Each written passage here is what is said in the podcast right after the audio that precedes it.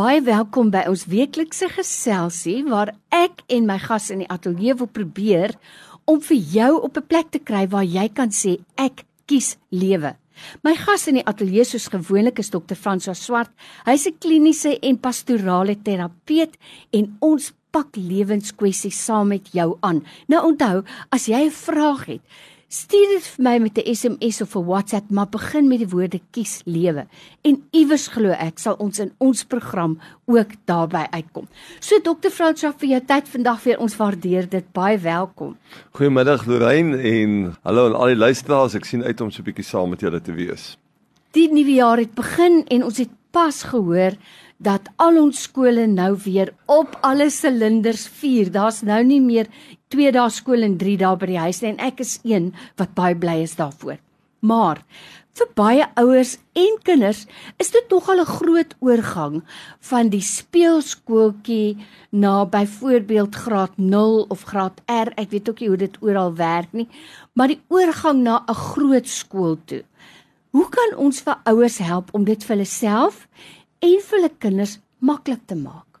Ja, ek dink dis die groot ding Lorraine van die lewe en dit gaan oor aanpassing. Ek dink die sleutelwoord rondom jou vraag lê by aanpassing en van klein tyd af moet jy aanpas en aanpas en aanpas. En kom ons sê dit nou maar reguit vir mekaar.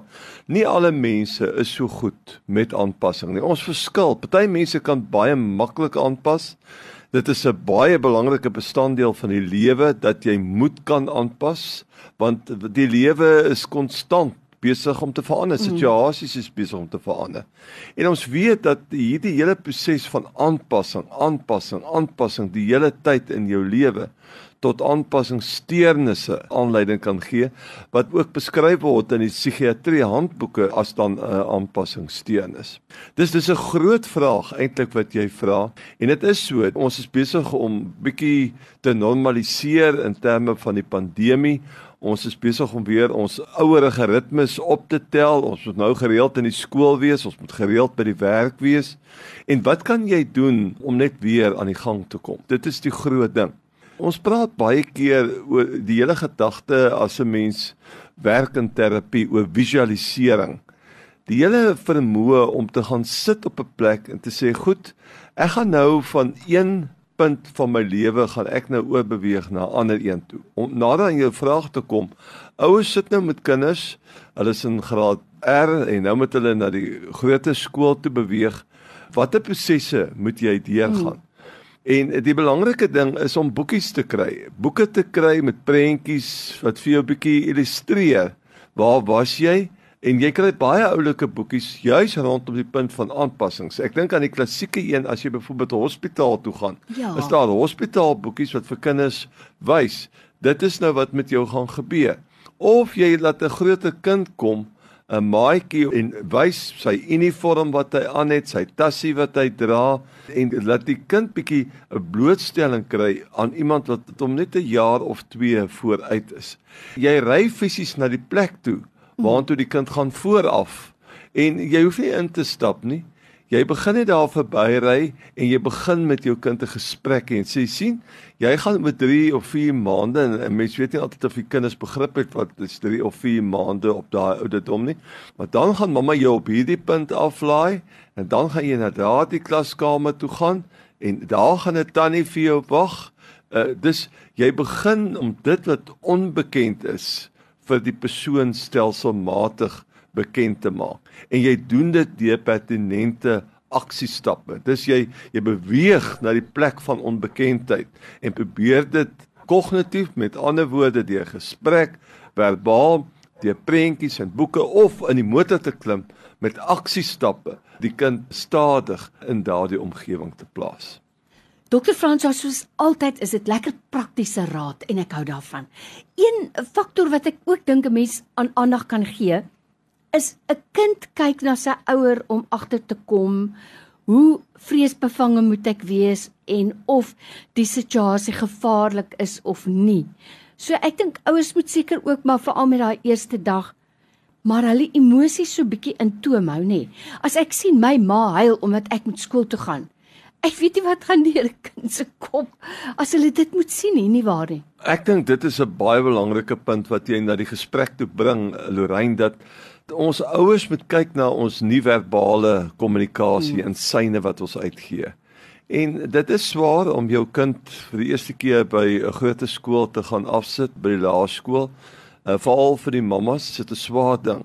En dis hoekom die aanpassing is nie net vir die kind nie, dis vir jou ook. Mm. En die feit dat jy huil, dui daarop dat jy sukkel met die idee van wat is nou besig om hier te gebeur.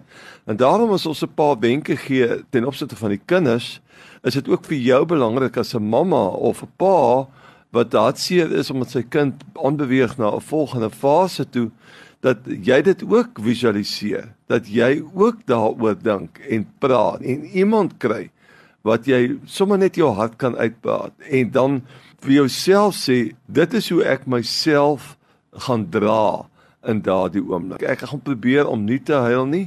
Ek gaan versigtig wees, ek gaan positief wees want uh, dis so waar. Ek dink ons moet by jou gedagte aansluit. Dat kinders is baie sensitief. Hulle kyk baie keer na hulle ouers se nie-verbale kommunikasie mm. en dit het dan 'n geweldige effek op hulle. Ons gesels vandag met jou in die program Kies Lewe oor die oorgang van kinders van die bewaarskool of die voorskoolse onderrig af na byvoorbeeld die formele laerskool toe. My gas in die ateljee is Dr. François Swart. Hy's 'n pastorale en kliniese terapeut. Ten slotte net, is daar iets wat ek as 'n ouer kan doen om te verseker dat my kind met my praat as daar wel probleme is en dat ek dit nie moet uitvind wanneer die kind dalk onvanpaste gedrag begin toon nie. So hoe kan ek 'n oop kanaal hou met dit wat nou by die groot skool gebeur terug na die huis toe? Uh, wat kinders interessant uh, maak is dat 'n mens moet baie keer net in hulle teenwoordigheid wees om uh, aanpassing goed te bestuur van 'n uh, ouerlike kant af of iemand wat die persoon wat deur die aanpassing gaan moet ondersteun is tweerlei. Jy gaan sit net by die persoon. Beander jou kind, jy gee sy kos vir hom en jy sit net uh, by die persoon. En jy sal verbaas wees net dat jy daar sit met ander goeters praat wat gebeur het. Dit was koud vandag en so aan. Jy maak sommer algemene opmerkings, nie direk op die skool en hoe was jou dag nie, want ons is te vinnig. Want dit lê op die tweede vlak. Ons begin vragies vra. Mm. Maar om 'n vraag te vra is 'n kuns, Lorraine. Dit is nie so eenvoudig nie. Ons is baie keer te vinnig. Jou kind is skaars nog in die kar en dit vir jou 'n swentjie gegee. Dan sê jy, "Hoe was jou dag?" uh, vertel vir my wat het gebeur. En jy klink amper soos 'n masjien geweer. Het jy jou kossies geëet wat mamma vir jou ingepak het? wat sê juffrou van jou taakie wat ons gedoen het? Het jy huiswerk vandag? Met ander woorde, ons het so 'n klomp vrae wat baie direk is wat op die kinders en veral soos wat hulle tieners is. Hulle hou nie daarvan dat hulle al dit so voorspelbaar is hulle by die huis kom dat jy uit belangstelling uit Uh, en omdat jy seker wil maak of dit goed gaan met jou kind, sulke direktiewe vrae mm. begin vra. Mm. Dis jy, jy gaan lê by 'n tienerkind of 'n groter kind baie keer net op sy bed in sy kamer terwyl hy daar besig is met sy rekenaar en jy vra sommer net, "Hoe gaan dit? Wat doen jy? Geniet jy wat jy doen?" Vra wat nie konfronterend is nie en wat meer indirek is. En jy sal jou verbaas hoe kinders se harte, omdat jy 'n atmosfeer, 'n klimaat skep waar hy nie voel dat hy heeltyd onder 'n uh, ondervraging situasie nie. Skep jy 'n veilige ruimte waar hy stadig begin om sy gevoelens met jou te deel. Ek sien baie uit daarna dat ons volgende week verder gesels en dit is weer die oorgang van laerskool na hoërskool. Absolute belangrike fase ook in 'n kind se lewe. So dokter Fransoa, Ek sê byvoorbeeld baie dankie ook daarvoor en dankie vir die tyd vandag. Ons waardeer dit. Dankie Lorraine en goed aan al die luisteraars.